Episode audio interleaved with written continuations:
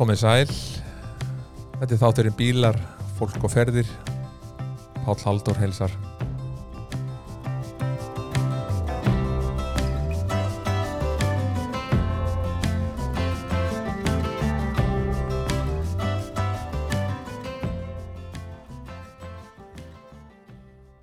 Ég hef með góðan gest hér í dag. Björn Sigursson frá Húsavík. Frumkvöðl svo sannlega Hann hefur í eigin rekstri, bílstjóri, verktæki og fleira og fleira. Sætt Björnsum minn, velkomin. Góða kvöldi blessa, kallið minn. Takk fyrir að bjóða mér. Já, takk fyrir að koma að gefa þér tíma, sko. Já, við vorum búin að spjalla saman hérna áður en að við íttum hérna á upptökuna. Ég fór inn á Facebook síðan hérna og ég var svona að vera punta hjá mér, ég verði að muni eitthvað um kallin ef, ef við frjósum báðir. Já, Þá raki augun í mikið að myndum og ég sá bara strax einhvern veginn svona, ég sá bara ferilinn gröfur jarðítur, eh, hjólaskóplur jeppar, gamli rúsajeppar trukkar, já, vörubílar rútur, snjósleðar fjórhjól, hjólísi þú hefur greinlega verið til eitthvað í nýjangar allar tíð bara nefndu það Já. Já, já, já. Er, er ég, Ég minnst þetta til. til Já, já. hef, hafa bílar og tæki verið alveg þitt líf frá upphafi Dellan byrjaði snemma maður. já, Mm. segð mér Ég hef alltaf verið, nefnum bara fjara, fimm ára þegar Dellan byrjaði. já, Og sem hann byrjaði þannig að það var gamall maður sem var vörbílstjóri, fættu 1900, já, fylgdi, fylgdi öldinni. ok að hann var eh, kostgangur hjá okkur og bjó í, fram í sveit Jón Átnarsson í þetta já, kom mikið á okkar heimili og ég sótti mjög fast að fá að fara með honum þegar hann fór ábyrðatúri í sveitin eða, eða eitthvað kom í bæinn aftur. Svo átti ég heima líka svona aðeins út úr bænum og ég man svo vel eftir því sem strákur svona kannski tíu ára eitthvað svo leiðis að vegurinn frá húsæk út á tjötnans lág svona svolítið frá húsinu heima mm og það kom nýr haptarætsbíl á í Híðansöfða sem er rétt utan í Húsavík. Indrið Úlfsson fekk nýjan haptarætsbíl 50 og 5 eitthvað svoleiðis. Alveg æðislega flottur og, og hann nýkom með bílpró og, og hérna reik mökkurinn undan bílnum þegar hann fór út leitið sem við kallum norður úr bænum. Ég man vel eftir þessu og, og hérna setna kynntist þessi myndir það betur og, og hérna, við vorum ágætti félag á tímabili og, og uh, hann var svo setna kennari og skólastjóri og ekkureyri og er í dag háaldraður já, maður. já, Þannig að þetta er svona fyrsta sem að já. dellan grípur og Var, var, var, var flóki fyrir fimm ára gamlan dreng að fá sér dí hjá einhverjum öðrum já, gatt fyrir það, já. já, já, Og ég var líka, ég var líka afskaplega feiminn. já, Þannig ég var kannski ekki burður að, hérna, byggja marga um að fá að sitja í en, en allt gekk þetta. Og snemma byrjaði ég að vinna á dráttavélum bara að slá tún fyrir kallana. Voru, það voru mjög margi með rollur og beljur jafnvel þegar ég er, er strákur og bara um, um fermingu líklega, upp úr fermingu þá er ég farin að vera með gamla farmal kupp og slá tún fyrir kallana já, bara í verktöku? Í verktöku. Ég, ég átti ekki vélina sko, Nei, nei, nei, en, ok, en, já. en hérna, eitthvað fekk ég fyrir þetta já, og, já, já, og hérna. Þannig að svona kannski byrjaði þetta og síðan getum við sagt að þegar ég er 17 ára neða sko maður að, hérna, já sko þegar ég er 17 ára þá fæ ég, fæ ég nýja villisjeppa. Já, sem ég átti að hálfu leiti á móti eh, manni sem ég hafði verið í sveit hjá og uh, ég man enn í dag hvað hálfur villis kostaði. Það var hálfur villis yfirbyggðu með stálhúsi sprautaður og fyll ég sótt hann bara á nánast bara á amalistægin til Akureyrar þá kostaði hálfu bílinn 80.000 hvað árið þetta? 63 Já. og tveimur árum áður þá kefti ég nýja myndavél.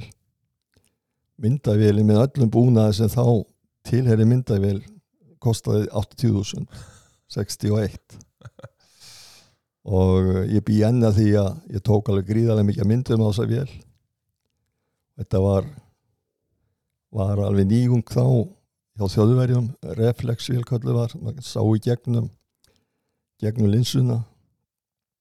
Áður voru til vélar uh, sem að voru miklu miklu dýrar sem að ég reyði ekki við en ég fekk þessa vél og, og reyndist mér rosalega vel. En þegar ég kaupið hann að villis þá átti ég fyrir honum. Bara ég hef búin að vinna í síldaplönum það var allir ungir menn og stelpur, strákar og stelpur sem unni í síld á sömurinn og, og hérna þannig ég átti fyrir honum þegar Já. þegar ég fekk hann. Svo náttúrulega ókspíladellan og, og, og sá sem átti hinn mikinn í bílunum, hann tók svo bílpró og þá náttúrulega þetta hann þetta nota bílinn líka. Já. þannig að orðið 64 þá sé ég auglýsingu í tímanum. Uh, bíl og búela salunum Miklatorgi Reykjavík er að auglýsa fólksbíla Benz fólksbíla.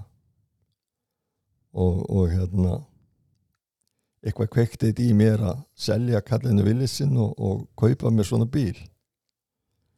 Nema ég fer til Reykjavíkur og ég átti nú ekki átti nú ekki fyrir honum náttúrulega þannig að þetta er fyrst skipti fyrsta skipti sem að ég kaupi bíl og, og er með viksla á bakkinu og, og hérna Sveitn hérna Jónasson bílasal og bíl og búilasölni sem seldi mig bílinn en Batti Rauði var kallað maður sem að flutti inn þessa bíla. Sveit sá um að ég veri ekki plattaður og sá um þetta mál alveg fyrir mig og, og, hérna þetta var sko dísilbíl þannig að þetta var mikið framför frá að vera með villisjeppana Fá dísibilin. og dísilbílum að kerði mikið og langa leiðir og En hvað þú sagðir, þetta er ekki getni reysir þá? nei, nei, þetta, er, þetta voru notaði bíla ég kaupi, notaður, já, já. ég kaupi þetta 64 kaupi bílinn, þetta er 61 mótil Já. 190 dísil Þannig að menn hefur verið að byrja að snemma að flytja í notaði bíla. þá er hann komið með breyða grilli sem er enn í dag. Já, já, já, já, 60 mótilin með mjóagrillinu já. 61 og þessi bíl að koma með breyðagrillinu Já. og svo æxlast það þannig að ég er bara nýlega komin norður með bílinn. Þá er farið að hafa samband við mig um að retta þessu og retta hinu. Þá er hann ekkert ríkja húsavík.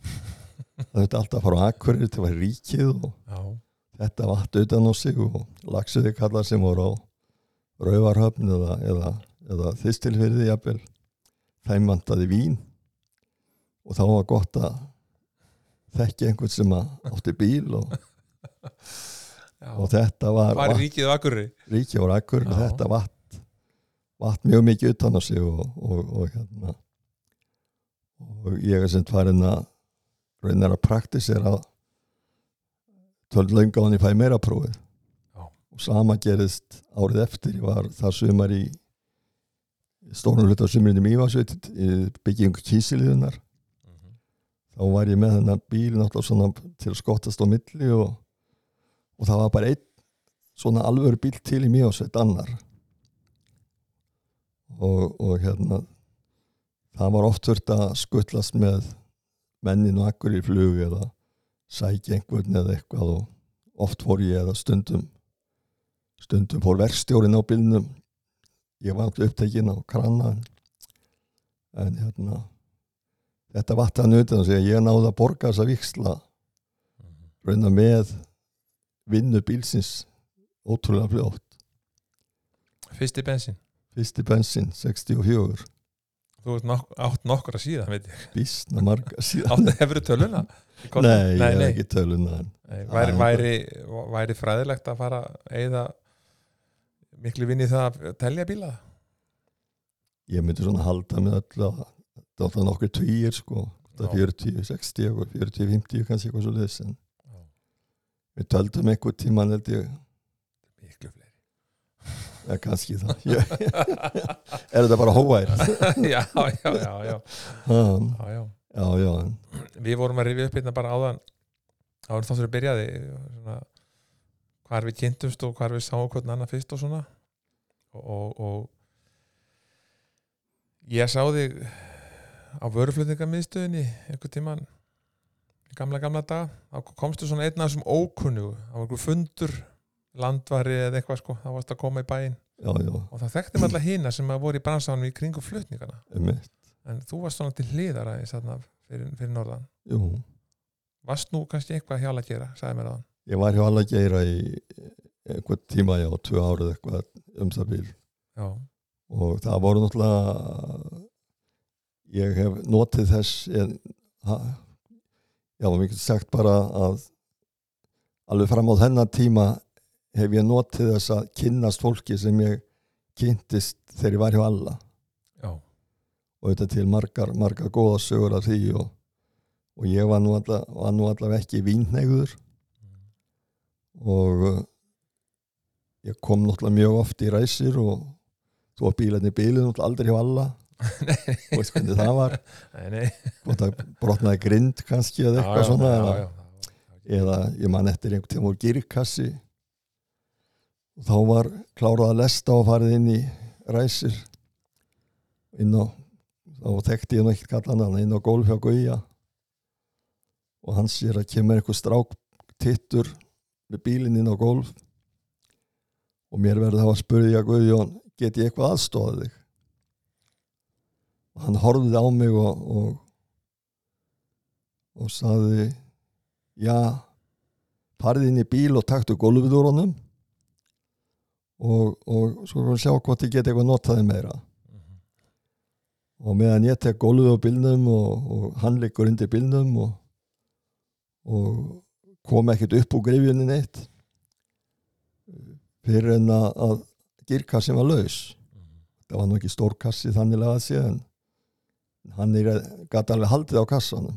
Það var sex skýra benskassi og hann saði svona já það er ekki allir sem að hafa náð gólfin úr þessum bílu þannig að það er kannski ekkert að nota þig eitthvað. Nema hann reyf náttúrulega kassan og svo hafði hann líkjala að laga hennum hann fór inn og lagar og sótti það sem þetta setja í kassan setta hann saman og, og setta hann í bílinn með einhver smá aðstór á mér. Og ég var farin einhver tíman ég man ekki með því að nótti eða eitthvað á stað norður. Og upp úr þessu kynntist ég náttúrulega mörgum kallum manna og, og sérstaklega Lárusi sem var verkstjóri mikill hlaupagikkur maður þetta helst að hlaupa á eftir hann með þetta að tala við hann Mhm. og hérna einhver tíðan var ég þarna líka með bíl í viðgerð og allir var í Reykjavík og, og var, var þarna, kom þarna í ræsir og þetta ábyggja hvort þetta var á föstu eða eitthvað ég maður þannig ekki nema hlýtur að vera stutt í helginu vegna þess að ég verð var við það að kallarnir eru orðin svona góð glaðir. Og ég fyrir eitthvað að spá í þetta og þá, þá hérna sæli hétt eitt kallarna þá eru þeir með hérna kjallan, undir, niður í kjallan með að, já, skotið niður í kjallan og þar sitja kallar og fá sér eitthvað stert að drekka. Þannig að það var gott að ungan strák til að keira heima á eftir. Að þetta voru svona mjög sérstaklega og skemmtilegi tímar og, og, og ég held held sambandi við þessar menn allar tíð og, og hérna. Og kefti nú nokkra bíla af þeim? Kefti nokkra bíla að þeim, já, já, ég, ég kefti svona fyrst notaðan vörubíl og svo, svo kefti ég 1970 pantaði ég fyrsta nýja bílinn. Oddgeir Bárðarsson var náttúrulega sölumæður þannig kemur þessi ungi strákur inn hann kannast nálega við mig. Og ég ætlaði að kaupa e, sexjóla bíl með framdrifi. Og hann sagði bara já hérna er bílinn handað þér. Þetta er hérna, 15-13 bíl þú getur fengið hann með framdrifi. Ég sést ég vilja, vilja hennar bíl ekki bara ræða það. Ég vildi fá 16-19 byrja að snemma til að snemma. og honum það náttúrulega alveg fráleitt að svona ungur strákur væri eitthvað að láta sér þetta þýlikt í hug. En niðurstaðan var nú svo að, að hérna, við lendum eitthvað upp á kantið þarna og Geir Þorstensson forstjóri heyriði eitthvað í okkur kemur í dittnar og, og setur hendurnar svona sindkvæðsögar á, á hörðarkarmana og, og, og hérna, um hvað er það að peksa sagði hann eitthvað svo leiðis og ég sagði strax við hann að, að hérna, ég væri ekki sáttur. Komdu hérna strákur og lappaði með mig inn á sína skrifstof og þar gekk hann frá þessu. Já. og niðurstaðan var svo að ég fekk 15-19 bíl. Mhm. eða 15-17 fyrir ekki 15-17 átt hann að heita. Og niður ástæða er semst mismunur á 15-17 og 16-17 var að 16 bílinn var loftfjöðrum loftbremsum fyrir loftbremsum en 15 bílinn bara með vökvabremsur og hjálpa loft eins og þekkjum Mhm. og náttúrulega miklu ódýrar þannig ég, ég riði við það en ég hef ekki ráði við hitt nema að þennan bíl fæ ég byrjun á 71 og hef, hef þá strax ágætt aðstöð heim og smíða sjálfur á hann pallin með aðstóð góður að vinna og setja á hann krana og, og þá er þetta eini bílinn með krana og framdrifi frá Blöndós östur og Egilstaði og ekki bara það heldur var engin með svona stóran krana. Þótt alveg, alveg snild á þessum tíma sementi kom allt á brettum út á land.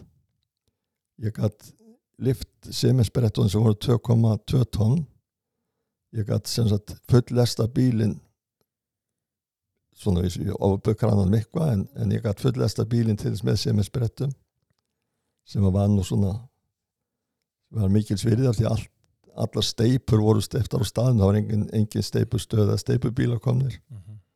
það var flutt mikið af sementi bara á byggingastaði eða brúargerðir eða hvað það var að þetta var svona Og þú er svona hitt aðeins í mark hitt, hitti virkilega mark með, þarna og, og, og hérna og þessi bíl notaðist líka rosalega vel í það að orkustofnun var með var að gera jarðversansóknir við Jökuls og fjöllum alveg frá Ásbyrgi og, og upp í Krepputungu.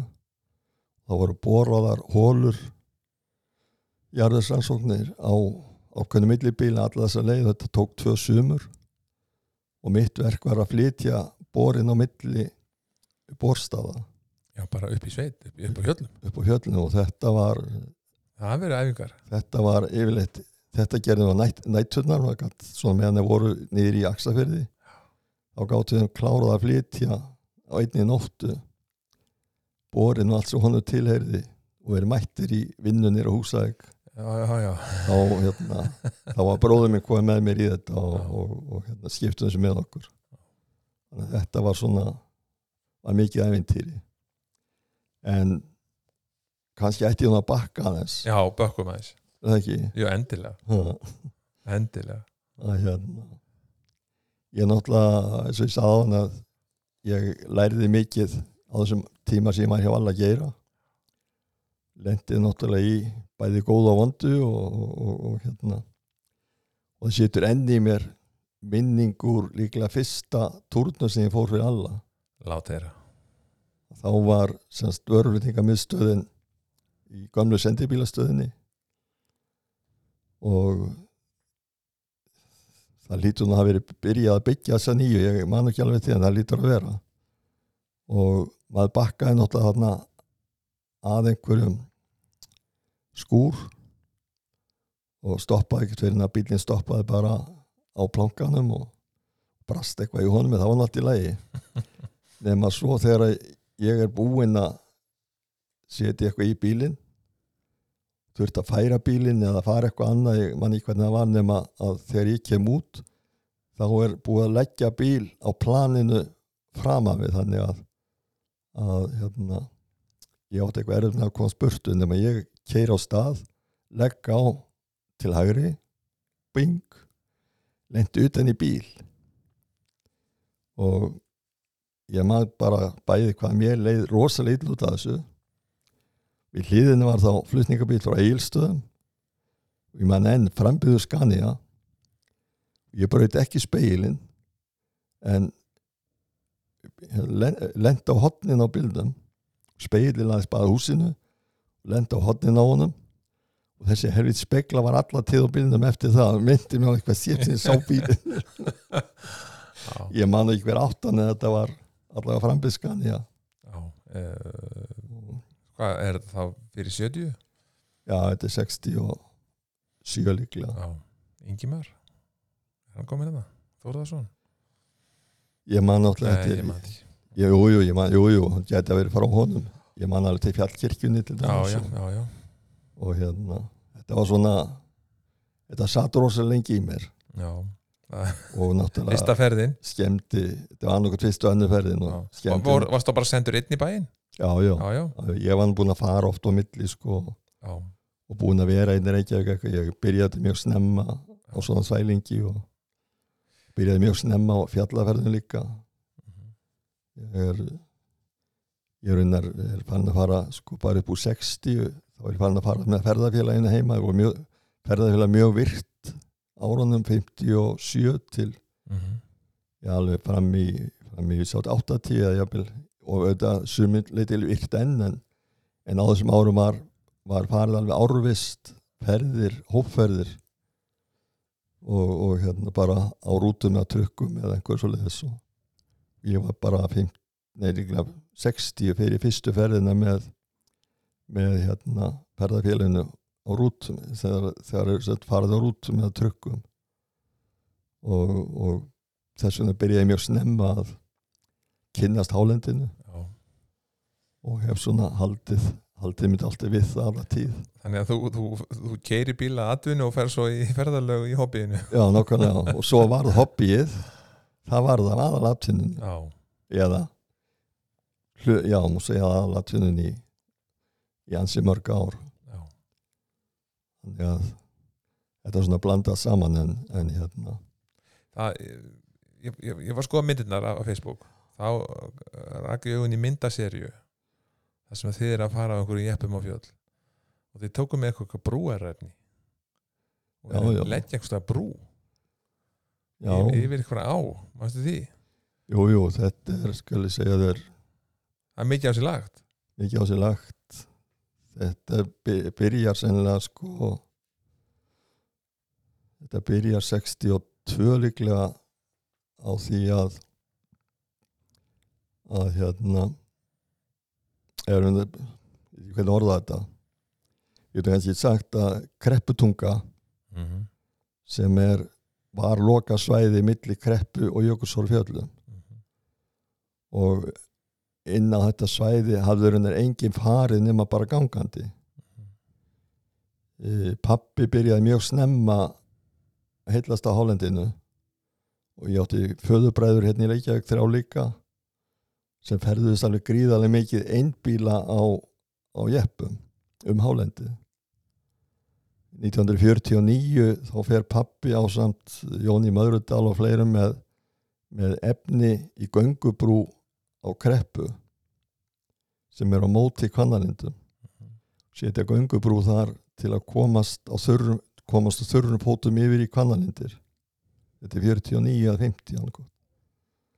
þannig að þetta svona byrjar þarna en síðan gerist það að frumkvöðul og akkari Jón Sigurgjersson mývetningur hann á samt fleirum hefur hug á því að koma bílgengri brú á Jökulsá og fjöllum hjá upptippingum til að komast inn í krepputungu. Og þetta hefur ha hafði svona tölur umræðu líklega áraunum 60 61, 62 eitthvað svo leiðis 60, 61 allavega. Og svo er farið 62 þá er farið með með ef þá er þeir búinir að rannsaka hvað þetta er langt án og milli og allt það og 62 er farið með stálbytta og timbur. Uh, þá er það þannig að þessi Jón var náttúrulega ferðarfélagi Akureyrar en hann fekk ekki ferðarfélagi Akureyri lið með sér. Þannig að þeir nú þekktust mjög vel pappi og hann og einhvern veginn ekslætt að þannig að ferðarfélag húsaukur tók upp hanskan með Jóni og, og þarna var þessi brú sett á kreppu og hún er bara fjóri, var bara fjóri stálbeitar boltaði í bergi sem hversu ögar og, og hérna og uh, játstöyrar voru boltaði nýri bergi sem hversu ögar og, og tali á milli sem að fyrst að sendu maður yfir bara í, í stól eða buksum og hengt upp í taljuna og, og dreyin yfir og, og svo bitarnir eftir og þeir boltaðir í bergið Mm. og svo voru settið trélherar ofan á og þetta var svo snildar aðstæða þarna að ef að á, ef ógsta mikið í jökulsáni að, að það flætti upp á bitana þá hafði hún farveg til að fara framhjá Já. nema að góðu staður valinn Já, mjög góðu staður og, og en þegar að uh, þetta var bara náttúrulega jeppabrú mm -hmm.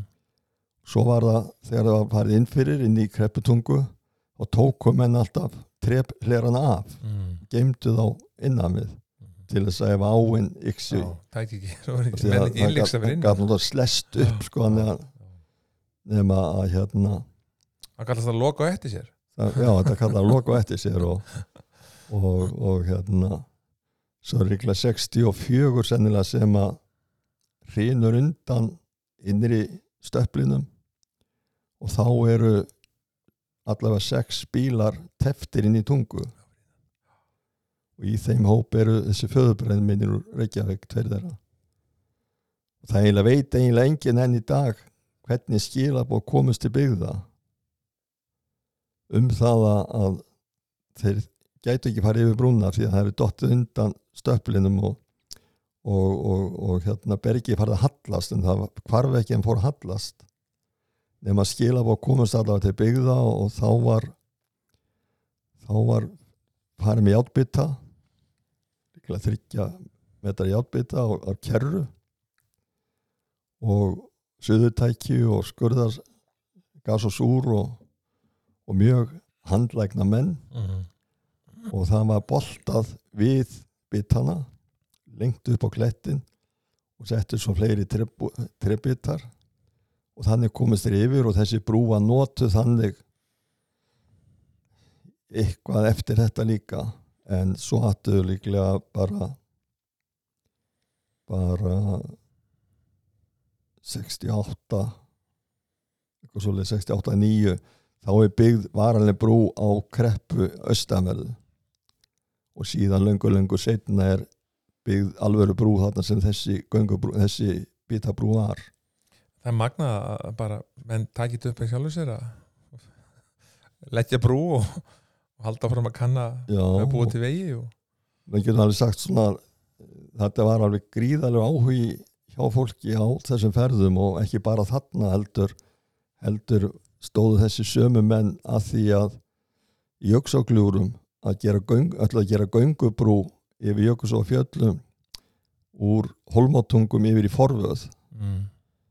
og forvöðin er náttúrulega alveg sér kapitúli austamerðu við jökulsá og það var búið að fá efni í þessa brú. Það var bara göngubrú það var búið að finna efni og búið að mæla hvað þetta var löng og allt saman. En það stóð á því að þeir fengu enga bíl til að flytja efnið. Það var eitt bíl á Akureyri sem vegagerinn átti sem gatt framkvæmt þetta.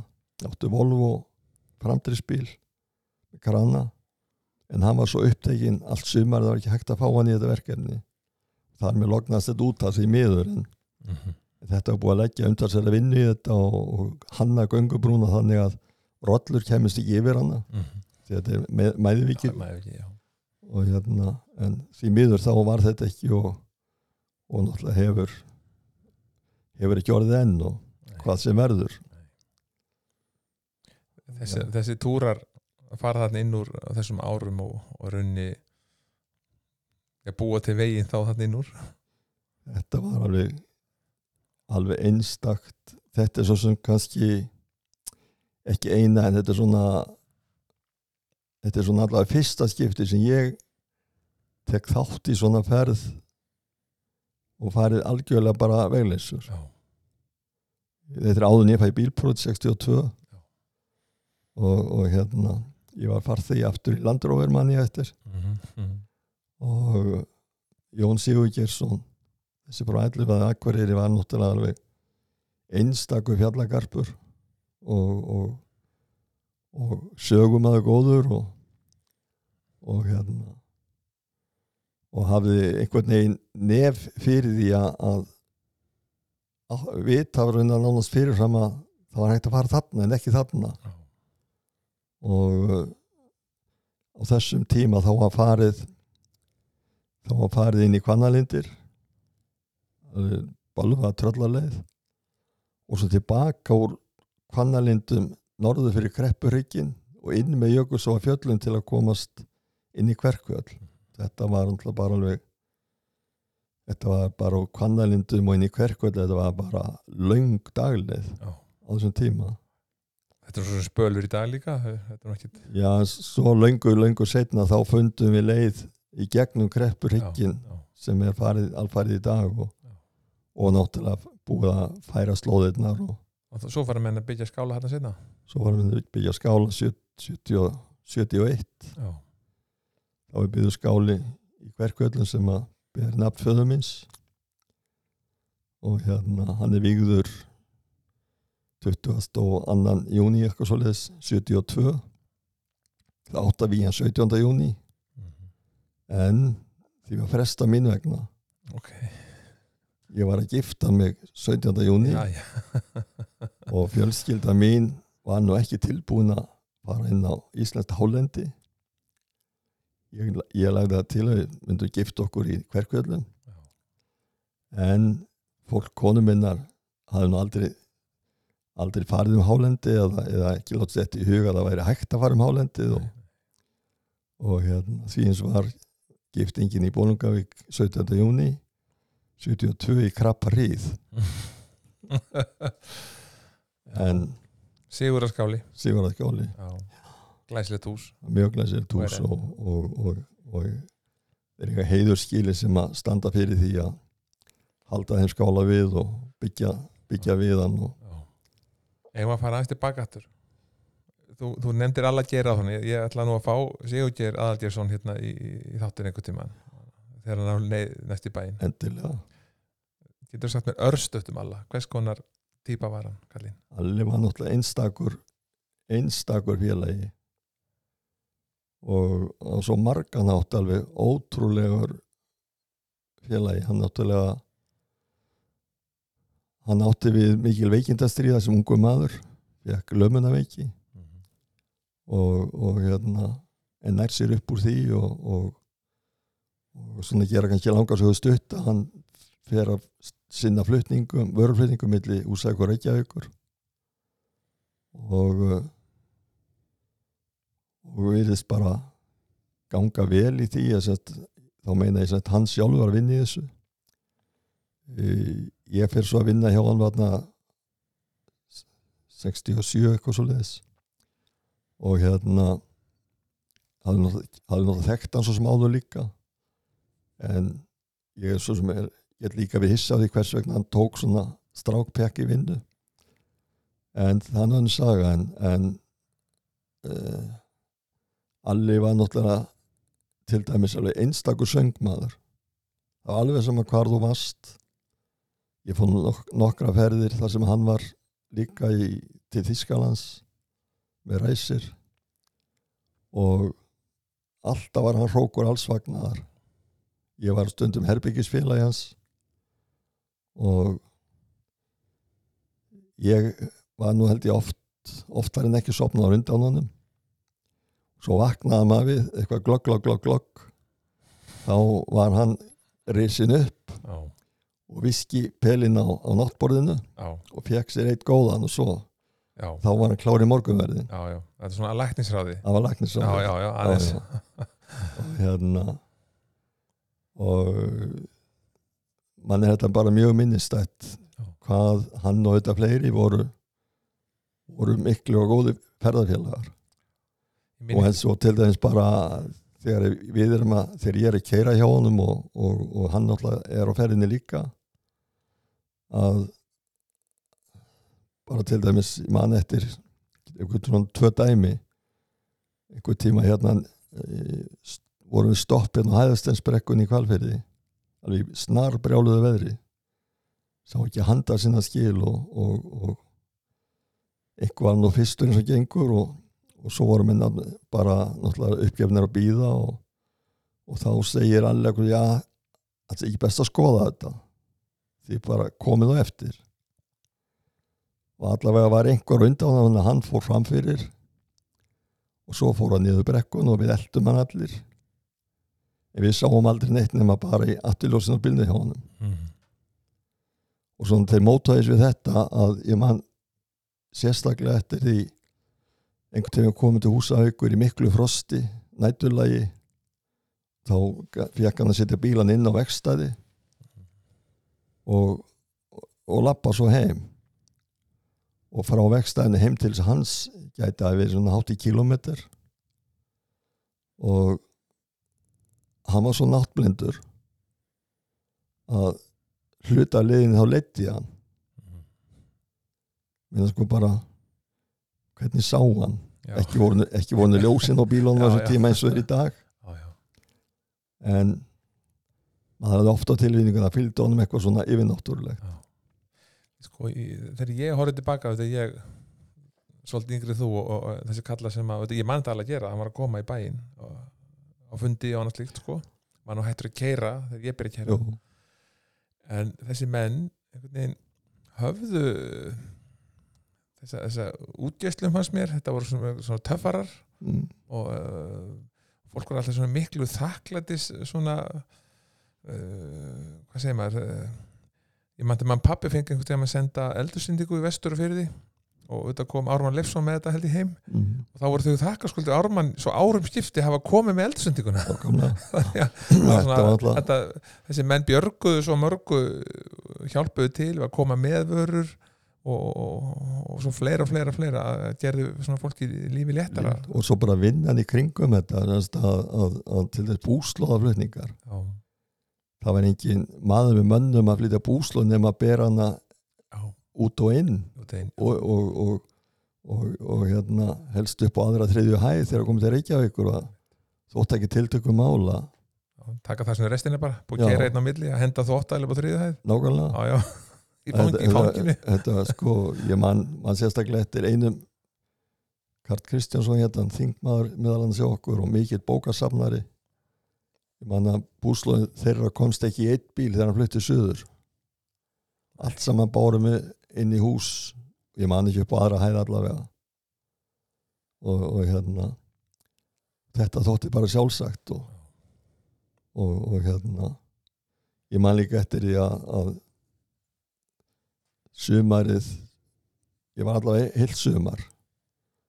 Ég man að lengi talan að ég fóð með stæðstu flutningarskrá sem ég hafði verið farin frá flutningamiðstöðin þetta sumar. Það var í kísiliðuna það var það var náttúrulega játn neðst svo kom gas og súr Mhm, og síðan fylltu bílið með einangrun mhm. og einangrun sett upp á þak líka einhverja, einhverja x hæðir já, já, og þetta var stæðsta flutningarskrá sem hafði farið þetta ár frá já, á einu bíl? Á einu bíl.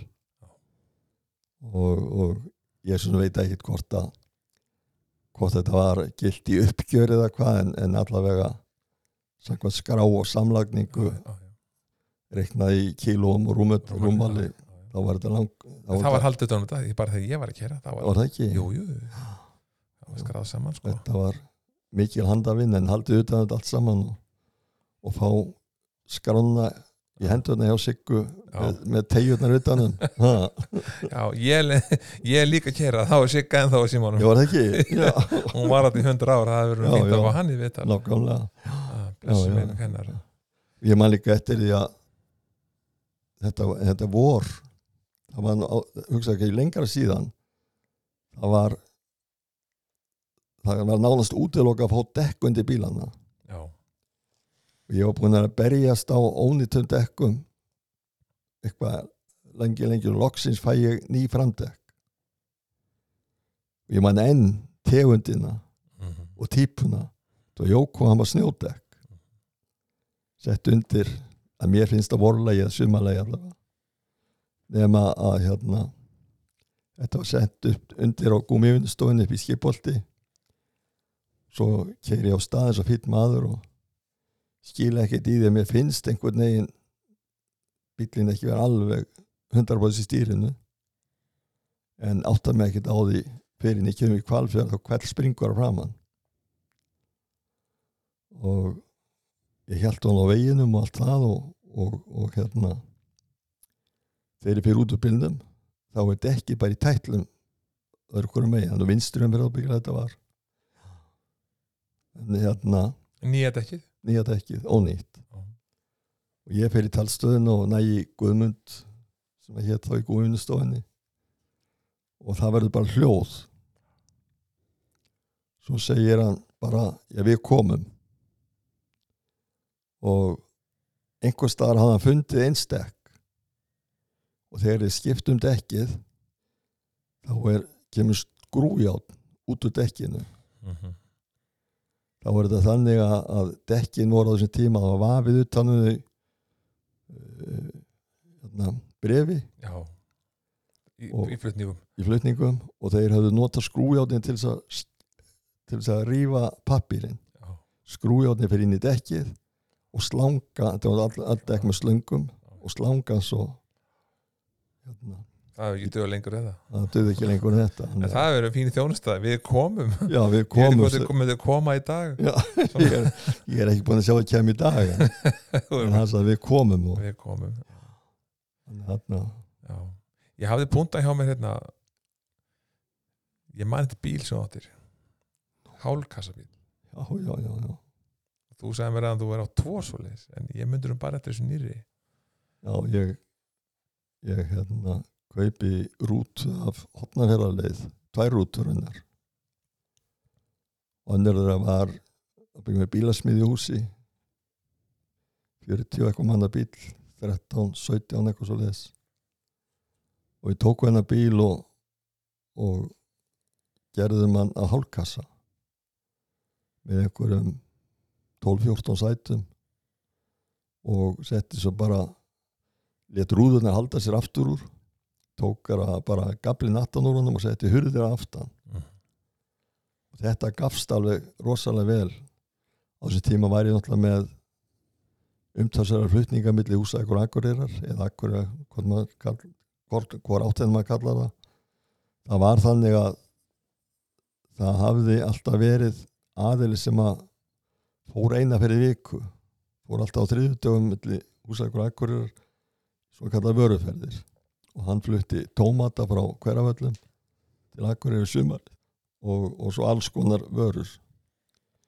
Og ég tók við þessu verkefni um það leiti sem að sem að ég breytti eða breytti þess bíl.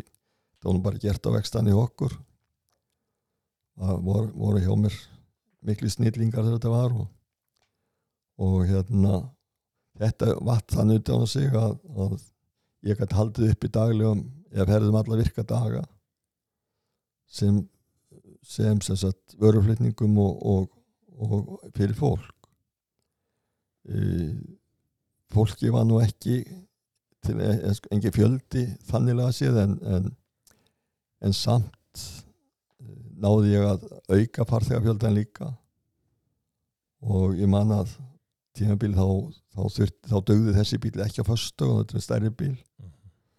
Og miklu stærri bíl og sunnudögun til akkur en það krakkarnir sem voru í farmaskólanum þeir fór allt yfirleitt heim um helgar. Og, og hérna þetta er svona vatt utan sig og, og uh, þessi bíl var raunar bara full nýttur eða raunar orðin of lítill á tímabili. Og þá fór ég út í því æfintir að láta byggja bíl út í Belgíu. Teitur Jónasson var svona mín hægri höndi í því eins og fleiru og fór með mér fór með, ég fór með honum út og keiftu notaðan bíl einhver staðar í Hollandi, eða Þísklandi manni hvað þetta var og keirið hann til Belgíu og, og þar á húsið tekið af honum og, og smíðið yfir hann yfir hann líklega 20 og 30 manna hús eða 25 manna 25 manna held ég. Og góðu vörukassi aftan við og, og, og vörulift á allt á þessum bíl. Og ég held að við mátt bara flýta í honum eða svona hitti rétt ég, mátti ekki jafnlestan en, Mhm. en með að setja svona aðeins meira fram í að þá held ég að það veri bara millir 5 og 6 tonn sem að mátti flýta í honum. Og ég flutti mikið af fóðuri til dæmis fyrir lagseldi og fleira og fleira þannig að þetta þetta hérna virkaði nokkuð mörg ár. Já. þegar ég sá hana bílfest á sig að vá, þetta er nú æðislegt sko. ég, þetta hefði hendað að hluta til vestur og fyrir það var endalast að vera að byggja um far. Jú, jú, eins og gengur. Og maður átti bara eitt seti já. Þessa hugmynd sótt ég til Noregs. Já, ég hafði séð svona bíla í Noregi. Og það er enn í dag ákveðnum svæðum norður í Noregi sem eru notaði svona bílar. Já. og svona bílar ætti að vera í Ísland í dag? Það er ekki, ekki með á því og, að fólk fyrir framann og, og farmur fyrir aftan.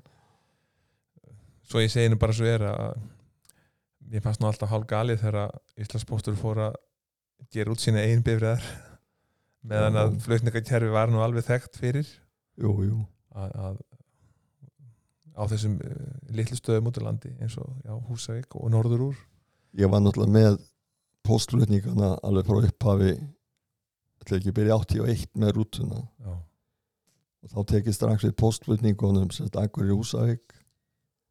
Síðan tegist úr því og, og, og það er farið að keira posti alveg til Þórsafnar þá setjum við upprunar nýja ferð sem byrjar byrjaði halv átta frá akkur á mótnana og nýju frá Húsavík gópaski rauvar upp Þórsaf mm og, og tilbaka aftur þannig að þar var sagt, komin eh, tenging.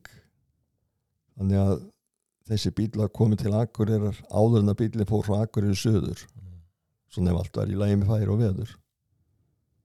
Og þetta náttúrulega þetta gerðum við nú með bara sprinterum og þegar meira var þá vorum við kerruratan í sprinterunum og hérna já, já, og þegar við náttúrulega þegar ég byrja í postinum og rútonum 81 þá er verið að flytja post upp á þakki ég kaupi kaupi bara rút það Guðmundi Jónasinni er 346 sem var hérna, einn af fyrstu fetterbílunum sem komu tilbúinu fyrir hægrandurumferðina og ég man mjög vel eftir því að marg, marga daga þurftum við að setja post upp á þak sem engun ditt í í dag nei, nei, þetta svona Nei, nei. En þú voru prófaði mislegt ég, ég, ég er mjög ánæði með því að hafa farið í þennan leðungur með hálkásabíl Já. þetta er bara æðislegt sko. Þetta gerðu margi grína þessu, Já, mátt, máttu gera það líka. þetta var, þetta var, þetta var algjör, þetta var frábært sko. og ég hafði líka skrifað þetta bara þú ætlum búin að nefna tvisar hér vegstæði þú með, varst með mikið rekstur á vegstæði þú varst að smíða allan pjandan og útfæslu á ymsu er snýra svona daglegir vinnu bara bílstöra eitt og annað að, hérna, þið voru að finna upp eitt og annað og laga. það byrjaði þannig að, hérna þegar, þegar ég var vörubílstjóri á byrjaðstöðun Úsæk þá var þar mikið, tölði mikið eldri maður sem að var góðu kunningi mömmu. Ættaði frá ættaði að hérna ströndónum og frá Brottadalsá. Og hérna hann tók mig svona mikið upp á sín arma þessi, þessi maður og hann var með vextaði sjálfur. Og ég naut þess að fá að vera undir hans handlegg og, og gera eitt og annað sem er dætti á hans vextaði og, og meðal hann að smíðaði þar pallin á fyrsta nýja bílinn sem ég fekk síðan byggðum við setna saman vextaði sem ég á henni í dag. Og hann sagði alltaf þessi maður Jóhannes Helgarsson héttan hann sagði alltaf "Björn, það ódýra sem þú gerir það er að kaupa verkværi ef þú getur notað þau. Og það er einhverja pilt mér allar tíð að eiga mikið af verkværum og bara til dæmis það eru tveir rennibekkir á vegstæðinni hjá okkur. Ég held þú komir ekki víða. Það sem er einn hvað þá tveir. Og ég heldur annar að báða sér nota þeir ekki daglega náttúrulega en, en svona utan háana tíma er þeir held ég nota þeir í flestum vikum ég þegar ég seldi þér eitt fyrsta bensín þegar ég var í Östju þá voru, ég var ég eitthvað að bjóða þér þetta hitt eitthvað svona, nei, nei, ég, ég, smíða þetta bara sjálfur, nei, nei, ég Já. festi þetta nei, nei, við gerum þetta bara sjálfur Það þessi, þessi aukavinna gerði eftir á svona, í kringu standsendinguna, þú vildir fá að gera þetta allt bara heima, veist það á já, finnst við það hérna. Það voru náttúrulega í dag nota menn helst aldrei keðjur en á þessum árum notaðum við alltaf keðjur mjög mikið við byrjuðum mjög snemma á því að smíða alla keðju okkur okkar sjálfur Mhm. keiptum bara öxulstál og byggum til græjur til að beigja þá og þess að græjur enn til þó sé ekki notaðar Mhm. svona bara sem dæmi að og, og, og, og hérna í dag eh, til þess að allar keðjur af vinnuvélunum hjólasköflunum það er, það er þeim er haldið bara við með að sjóði í þær. Og eins bara vörubílakeðunar við sjóðum á pinnana og, og, og hérna, vísu er svo sérvitur. Ég, ég helst aldrei vilja nota þerbandakeður Ok. heldur, heldur nota ég ef ég nota svo kallar netkeðjur eða frá, og sérstaklega frá Erla og ég kefti einu sinni flutti inn einu sinni bíls í árunir enn í dag. Gamlan 1632 10 silindra fluttan inn 81 76 mótelið og ég fekk með honum alveg haug af, af keðjum sem ég hafði aldrei séð áður. Við jú ég hafði séð sem dráttavéla keður þetta voru krossbandskeður og ringir á þeim ekki gattar heldur ringir og þetta er alveg ótrúlega keður í snjó en ekki hálku. Mhm. og ég held ég að byrja sér enn til eitthvað að þessum keðjum. Sér nátt sitt en hérna, Já, þannig að að mörg sérviskan já. Ég hef skrifað stundum með það eins og fyrir þá sem hafa komið í þáttinn áður sko. Þú er þetta búin að svara einnig spurningunni? Ég var ekki að tala með það stærsta farminn, þú nefndi þá áðan hérna á þessi Já. bæði um það sko. Já. þetta einhverju skrýtnu farmi í flutningunum, eða svona skrýtnu verkefni á bransanum það er þetta margt skrítið ekki í rausnum sko ég veit í hvað á að hvað á nefna sem skrítið sko en, en hérna þó sé kannski endilega ekki endilega tengt flutningabransan þá, þá hérna eh, þetta er mér í hug segja frá hvítu skýrtunni já lát þeirra ef að láta hana Já, koma? látum hana koma. Látum hana koma. Þetta er sennilega um páskana 67 ég er að er á leið upp borgarfjörðin og eh, eins og ég sagði á hann þá þá hafði ég tölulega tengingar inn á hálendi þannig ég svona þekkti ímis nöfn og, og þó ég þekkti ekki menn þá þekkti ímis nöfn og svona vissi hvernig hvernig staðhættir væru og ég var búinn að koma upp á upp á barðabunga á þessum tíma og, og ég var búinn að koma á Grímsfjall og eitthvað svona. Nema þegar ég keiri upp borgarfjörðin þá heyri ég alltaf snjóbít gus er að kalli gufunis og, og hérna ég skipti nú ekkert af þessu fyrst og því ég vissi ekkert vissi ekkert hver átti þennan snjóbíl eða, eða neitt eða neitt nema svo endaði með því að ég gufunis hvort að gufunis heyri í mér. Og jú, þeir heyri mér þeir heyrði ekki í gusa. Þannig að, að gusi heyrði í mér líka þannig að ég er að bera á milli. Þá er bila hjá þeim einhvers stað á leiðinu á Grímsfjall og það er að fljúa með varaliti til þeirra og uh, þetta var heilmikið korskáta að bera þetta á milli og, og guðfinnist þetta ringi þennan og ringi hinn og, og einhver var búin að einhvern veginn var þetta tilbúið samt fyrirfram að ef að þetta kemur til þá var einhver sem að var tengiðliður upp á flug og svona og nema það var þetta alls konar varalhut sem þurfti að fá og, og allt er þetta borð á milli og hérna. Og uh, svo er, er þetta held ég komið allt heim og saman og nema að eftir einhver stund kallar Guðsi aftur og, og í mig þá held ég að vera á þátt 400 þetta var, lítur að vera. Og hérna byggðu mig að byggja Guðum þess að ringi í kjellinguna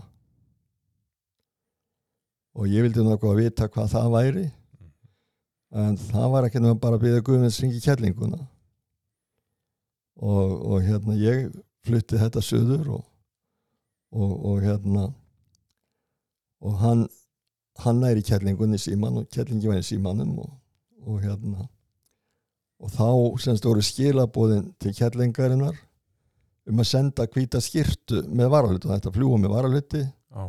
og þeim vantaði hvita skirtu með, með flýinu nema að, að hérna ég bara bara þetta á milli og skildi náttúrulega ekkert í þessu og, og svo líða einhver fjöldamörg ár. Stundum dettur mér þetta í hug og, og, og, hérna eitthvað að velta þessu fyrir mér og síðan er það ríkla bara 74 fyrir en 75 sem að ég er að flytja á samt fleirum hérna, viðratjóðanstöð sem var í sandbúðum inn á eigafyrði verið að flytja hana millir staða og, og, og í þessu var voru náttúrulega margir menn og, og þarna var bíl frá Guðmyndi Jónasinni og, einhver fullorðið maður á honum og hérna svo svo hérna þegar búið er að setja skúrin á sem ég tek á pallin og, og eitthvað úr eldhúsin í bílinn hjá Guðmundi. Þetta var Guðmundi Jónasson sjálfur. Ég þekkti hann ekki þá. Að svo er ákveðlega ekki á stað. Og ég er ákveðin að fara vestari leiðin sem kallum og, og, og en, en Guðmundur allar að fara austur í kjöðgjastur og þar söður þetta er betri leið. Nema ég spáði ekkert í það en, en Guðmundur var eitthvað uppsiga við mig. Ég átti náttúrulega bara að fara eftir honum og elda hann. Já, já. en það kom ekkert strax þarna fram en, en nema að ég er komin á staðin þegar hann kemur. Þín leið var betri. setnipartin að bílinn eitthvað betur ég er náttúrulega með dempara bæði aftan fram á ballanstöng og og, og hann með Dóttor Eldhúsin sem að já, var nú svona mestuleiti heil já, mhm. svo þegar er farið að borða um kvöldið og allt í hún dettur mér í huga þessi saga. Þarna var maður sem heiti Gunnar Jónsson sem vann í orkustofnun. Var svona verkstjóri í þessu og, og ég segi við Gunnar kannast þú við þessa sögu kannast þú við þetta með kvítuskýrtuna og hann fer að hlæja og, og það fara einhverju fleiri að hlæja þarna og, og, og hérna. Og ég segi svo minn, hlut, minn hluta af málinn að ég hafi bórið þetta á milli þarna og hérna. Þetta hefur verið skilabóð kettlingar um þetta hvita skýrtu og og Gunnar hérna segir svo hvað segir þú um þetta Guðmundur?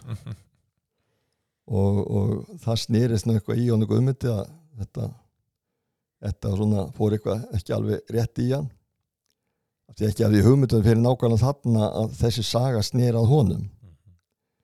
Og þá segir Gunnar þarna já já þeir ætlaði að hafa viski en ekki, ekki hvita skýrtur en, en, en hérna svo gamla náttúrulega vissi hvað klukkan sló og þeir hefðu ekkert með vín að gera. Nei, nei. þannig að hún sendi bara eina hvita skýrtu punktur. Já, já, mm. já, já, já, já. Þetta, er svona margt Þú sagði líka að þú var verið í leigu bílagstri í 40 ár. Já en svona, þú komið víða við. Ég, svona ég byrjaði raunin á því strax og ég fekk Benz fólkspilin þó ég var ekki komið meira prófið. Já. og síðan eignaðist ég rússa jeppa ekkert lengur setna árið setna kannski. Og í hann seti ég náttúrulega bensvél. Já, og benskýrkassa og uh, þessi bíl var notaður síldar, restin og síldarárunum. Kerði mikið af af sagt, síldarmönnum eða sagt, sko, áhöfnum að skipum. Já. þá voru þeir að sækja það á rauvarhöfn eða seyðisfjörði eða norðfjörði eða og einhver tíðan einhver tíðan fór ég með áhöfnalisir á Hotnafjörð sem var nú löngleið þá. Nú á veturnar þá var þessi bíl notaður í svo kallar læknisakstur. Það var komið læknastöð á Húsavík og þar voru nokkuð margir læknar. Þeir fóru vikulega til Kópaskjars og Rauvarhafnar tveggja daga ferð. Við mest alltaf á veturnar og tvo dag í þetta og einn dag í Reykjadal, Lauga og Breiðumýri og aðra hvora viku í Mývarsveit þannig að þetta var svona hérumbil spanna svona hérumbil í vikuna Þú eru bara fjári í framsækin og, og Ég er svo- ég var svona mikið einn í þessu sko en, en, en þessi, þessi þessu. bíl var nú notaður í þetta mjög mikið Já. og, og setna fekk ég svo frambyggðan rússa sem við settum í pusi og dísilvél og var notaði mikið svona líka og. Og þarna var gott að vera búin að kunna að nota spil. Ok, við þurftum ofta að grípa í spil til að brasa? komast yfir yfir skabla eða ég man, man mjög vel eftir einu tilvelli þá var ég komið frambyrða rússan og var, vorum búin að vera mikið lengi á leiðinu og komum svona inn á tjötnes komum upp ekki á rauvaröf og það var bara mannaðir á skabl á hólsflóðinu kallaðir svona- svona 12-15 km húsæk og uh, ekki nokkulega að sjá um að kemist yfir hann en, en þá fór ég með spilvýrin ég fór upp í skablin eins og ég komst og með spilvýrin niður í niður í skablina sem var auður vegur. Var með svona játnhæla sem var bara úr, úr hérna kampstáli slegið fram bara í ott og, og, og auga á þessu. Rak einhverja tvo hæla niður í frósin veginn og spilvýrin í það og, og svona dró ég bílinn yfir skablin en svo vestnáni að ná upp hælunum. Ég hafði svona reykjað svolítið vel niður til þess að eru losna það ekki. er kannski hérna enn? Nei, ég þorði nú ekki að skilja eftir því að þetta var stálið þessu. Þannig að endaði með því að ég batt á aftan í bílinn batt spotta og aftan í krókin á bílnum eða tó og kifti svolítið hraustlega í. Náðu nú öðru þeirra strax en hinn var anskoti fastur og ég kifti ennþá hraustlegar í nema hann kom inn um afturúðuna og hann stoppaði á mælaborðinu boy. eða, eða á vélarlífinu milli Já. mín og læknisins. Beng og, og við hérna sluppum með skrekkin þannig að þetta svona sko við erum að taka upp þennan þátt á sundarskvöldi og það er á eftir Óskarsvelun þú kemur til húsa ekki í dag. Munu, munu húsík að fá velun í nótt? Að sjálfsög en ekki, hvað. Mér finnst þetta rosa gaman þessar auðlýsingar sem hafa verið núna.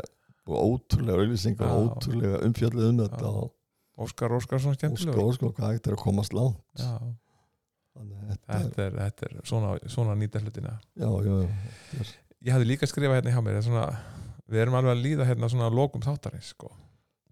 en ég hafði skrifað hérna eitt að því nú er gós á Reykjanesi. Og það var alltaf gós í kröflu, jú, jú. Fyrst ykkur að vinna í kringum það gósið, já, sem ekkert miklu ég var náttúrulega að vinna í kröflu þótt alltaf þegar þetta var. Og man mjög vel eftir því að vorum með einhverju malakisslu sem man ekki hvað var. Við vorum sem ekkert vinsælir húsæku bílstjórar í Mjöðsveit en, en það nönn sá stundum var það já, brót upp. Og, og hérna mötuneytið var í svona vinnubúðum og maður hafði á tilfinningunni maður greip um diskana. Já þeirra var sjálfa þegar maður skjálfa. Ég er ekki að segja þeir hefðu farið á golf Nei. en maður greip um þá. En þá var líka menn sem hlupu út. Já. en svona margir lóu áttu ykkur ráð fyrir þetta fólk á Reykjanesinu sem, sem ræðu þar? Hvernig er Nei, gott að bera sig að með eitt og annað í, framhaldinu eina sem gildi náttúrulega er að halda rósinni Já, ég svo sem get kannski nelt þetta niður með einni lítilli sögu sem það er ekki komið fram að ég, ég hérna ég búin, er búin að eiga tvo báta líka. Ok. Eða með fleirum náttúrulega. Já, og hérna áttum einn sem fengu nýjan færi einhvern sinni fjórir saman sem kallaði var. Og hann var sett leilan dísilvél sem átti að vera miklu betri en allt annað. Flesti voru með Volvo Perkins en þetta átti að vera bæri stærri manni hvort hún var sex sílindar minni það. Og hérna hún hittaði sér alltaf. Og hekla var með leilandir en þetta var. Og ég náttúrulega átti góða kunni ekki heklu eins og við því ég átti nokkra katipílarvélar og fór með annars tvisva með heklu til bandaríkjana nema að einhver tíman kom maður hinga til lands frá bandaríkjónum sem var einhver einhver hérna, tækni maður á vegum. Ég held hljóta að vera leilandi allavega einhvern veginn, einhvern veginn tengdist það. Þannig að þessi maður átt að fara til Akureyrar og þeir komið með hann til húsaðegur til þess að reyna að skoða hennar mótor og hvað þetta geti verið eitthvað. við förum að kvöldlægi já ég seti bara dags út fyrir hefnina og þá kemur ljós að þessi maður hafði aldrei séð sjó fyrir hann að flög til Íslands. Átti heimekstar inn í bandaríkjónum og náttúrulega aldrei komið út á bát eða neitt um við förum hann út fyrir höfnina. Og uh, bátni, vélinn fyrir að hitta sér strax og eitthvað leita þetta og eitthvað svona hægri vinstri og ég man ekki hvernig það endaði nema að, að við tökum sjóstöng og, og hérna það kemur alltaf fiskur strax á og fyrsti fiskurinn kemur er tekin upp á stönginni og, og settur fram af mannin og hann bara fórnaði höndum og bara hvað, hvað er þetta, hvað á að gera við þetta og til hvers er þetta og allt það? Og, og hérna, er náttúrulega aldrei séð lífandi fisk heldur. Og sjó sko. Nema að svo er farið í land. Og þetta er náttúrulega á þessu tíma sem að gósið í kröflu stendur í blóma eins og það stendur. Og á þessum annarkoð tennadaga daginn áður að Ómar Ragnarsson verið með lýsingu þar sem að hraunið nýja hraunið farf nýri í gjótu og ég kann nú ekki að fara með orðinans Ómars en þetta var voðalega helviti fallegt þetta það sem að hraun áum fór nýri í gjótu nema að ég fer um kvöldið með konu mína og, og þennan Amerikana og, og heklumannin förum við styrir Kjeldukverfi og, og upp, upp að Vestudal og það er inn á slóð sem að liggur alveg upp í kröplu og komum, komum þarna að sem að Ómar hafði bent á eða talað um sem er hraunið vall niður í bara hvarf bara niður í gjótuna. Og það fór aldrei lengra en þetta ofan jarðaldur bara hvarf það niður. Og þetta náttúrulega er er manni gjörsanlega ógleimanlegt að standa hann á brúninni og horfa á glóandi hraunið hverfa nýr í jörðina. Og þá er þetta búið að renna sko ég man ekki að það er einhverjir kílómetrar sem er búið að renna frá góðskíknum Já, nýrðir. Þýrrettir og við höldum svo áfram alveg upp í, upp í bara kröplu og, og við komum ekki til húsa eitthvað fyrir eitthvað sexu morgun eitthvað svo leiðis þannig að þessi Amerikani sendi mér jólakort í nokkur ára eftir þetta. Ég trúi því. Aldrei sé fisk nei, aldrei, aldrei sé við sko, aldrei sé nei. já, já, já, Ég hef líka skrifað hérna hjá mig bara svona í lokin sko. Þetta er farsall rekstur hjá þér ef ég horfið tilbaka sem ég þekki. Þú hefur verið já, vel kynntur í bransanum bæði í verktekunni og flutningum og, og væntalega taxanum líka. Þetta er svona gengið og ymsun náttúrulega bæði vel og, vel og illa og, og eitthvað skemmtilegast verkefni sem við höfum unnið er lagning og ljósleðurum. Við byrjuðum á því 1990 að, já ok við, við byrjuðum sko löngu, löngu, löngu áður að vinna hjá símanum við loftlínur Mhm. þegar var að byrja að setja loftlínur í jörð Mhm. þá vorum við með litla katapilla jarðitu þrist og bakko og veið þetta var tengdu plóur og við vorum bara í tímavinnu í vinnuflokkum hjá símanum við að koma síman í jörð á ákveðinu svæðum alveg Svarfaðardal inn í Eyjafyrði flestum sveitum í Þingasíslu austur í Þistilfjörð og alveg austur í Bakkafjörð í nokkuð mörg sumur sko.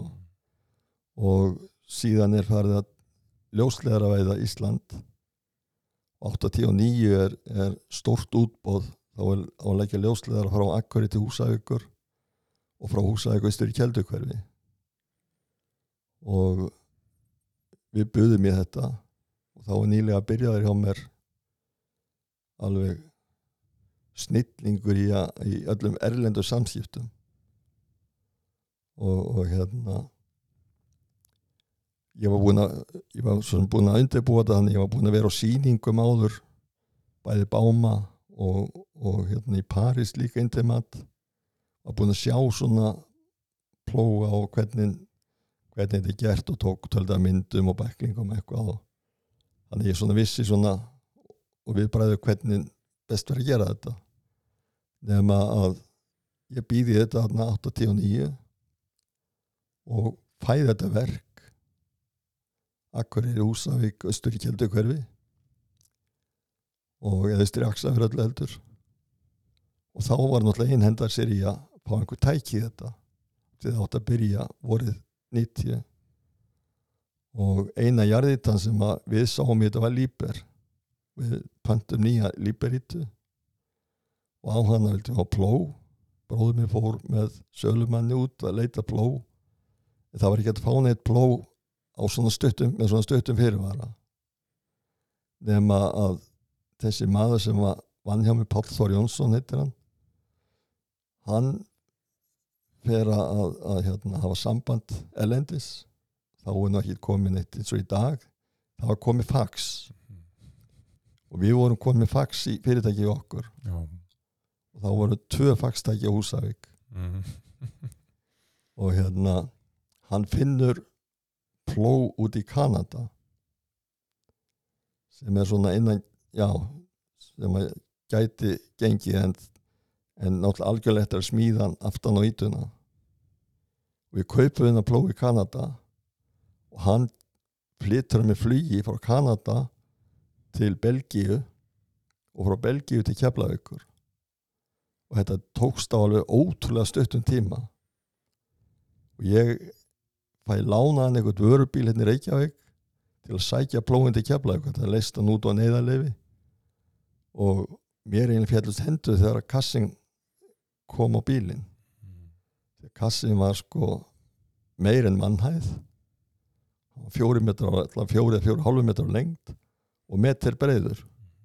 Hvernig þið komuðu sín í flugvél sko, ok, á þessum tíma. Nema að, að þetta var sett á vélina hérna í Reykjavík.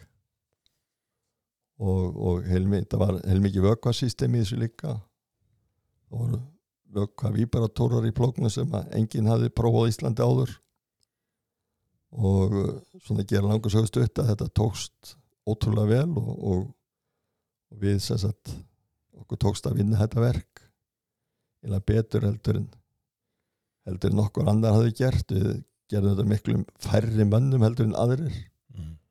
við vorum með græjur þannig að gáttu verið með keflið framann á vélinni aðrir voru með aðra vél til að draga keflið og við vorum með, vorum með hérna, rótor á keflinu þannig að það var ekki hægt að tarnaðist það færi alltaf mikið út af. Mhm.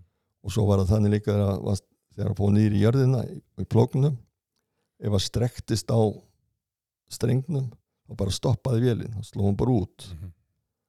og, og hérna þetta voru svona ákveðna nýjungar og ekki, ekki þeirri sliti í sundur? Nei það var ekki slítið í sundur og, og þetta var svona já, mikil, mikil framför og, og, svo, og svo aftur 91 já, við erum í þessi nokkur, nokkur sumur. Við lögðum með, meðal annars streng frá Akarnesi til Reykjavíkur ekki að við að frátegum kvalfyrinu Já. og svo myndi Grindavíkur og Þóllásafnar og ég býði eftir að strengur væri sundur. Þannig það sem gósið er. Hann liggur ó, ótrúlega nærri gósinu já, Já, ok Já, en enn að í sjálf og sér. Þú ert, fyrirtæki en þú aðeins ert við, höfum svo sem náttúrulega þetta er náttúrulega breyst sko úr samegnaði félagi eigna, í, í EHF og, og svo sameining í úr félagi sem hétt BSH yfir í Hóll EHF og, eins og þeir í dag og þetta var, var mikið mikið og skemmtilegt verkefni þessi ljóslegaralögn meðan, meðan hún var á hétt og síðan framhald að þessu þá var bóðin út breiðbandslögn í all húsa húsæk og það var tveggja ára verkefni. Það er eina verkefni sem ég fengið í gegnum tíðina sem er fyrirfram ákveðið tveggja ára verkefni. Já. og við hérna grófum og plagðum og, og lagðum breiðbandi í flest húsa húsæk á þessum tveimur árum.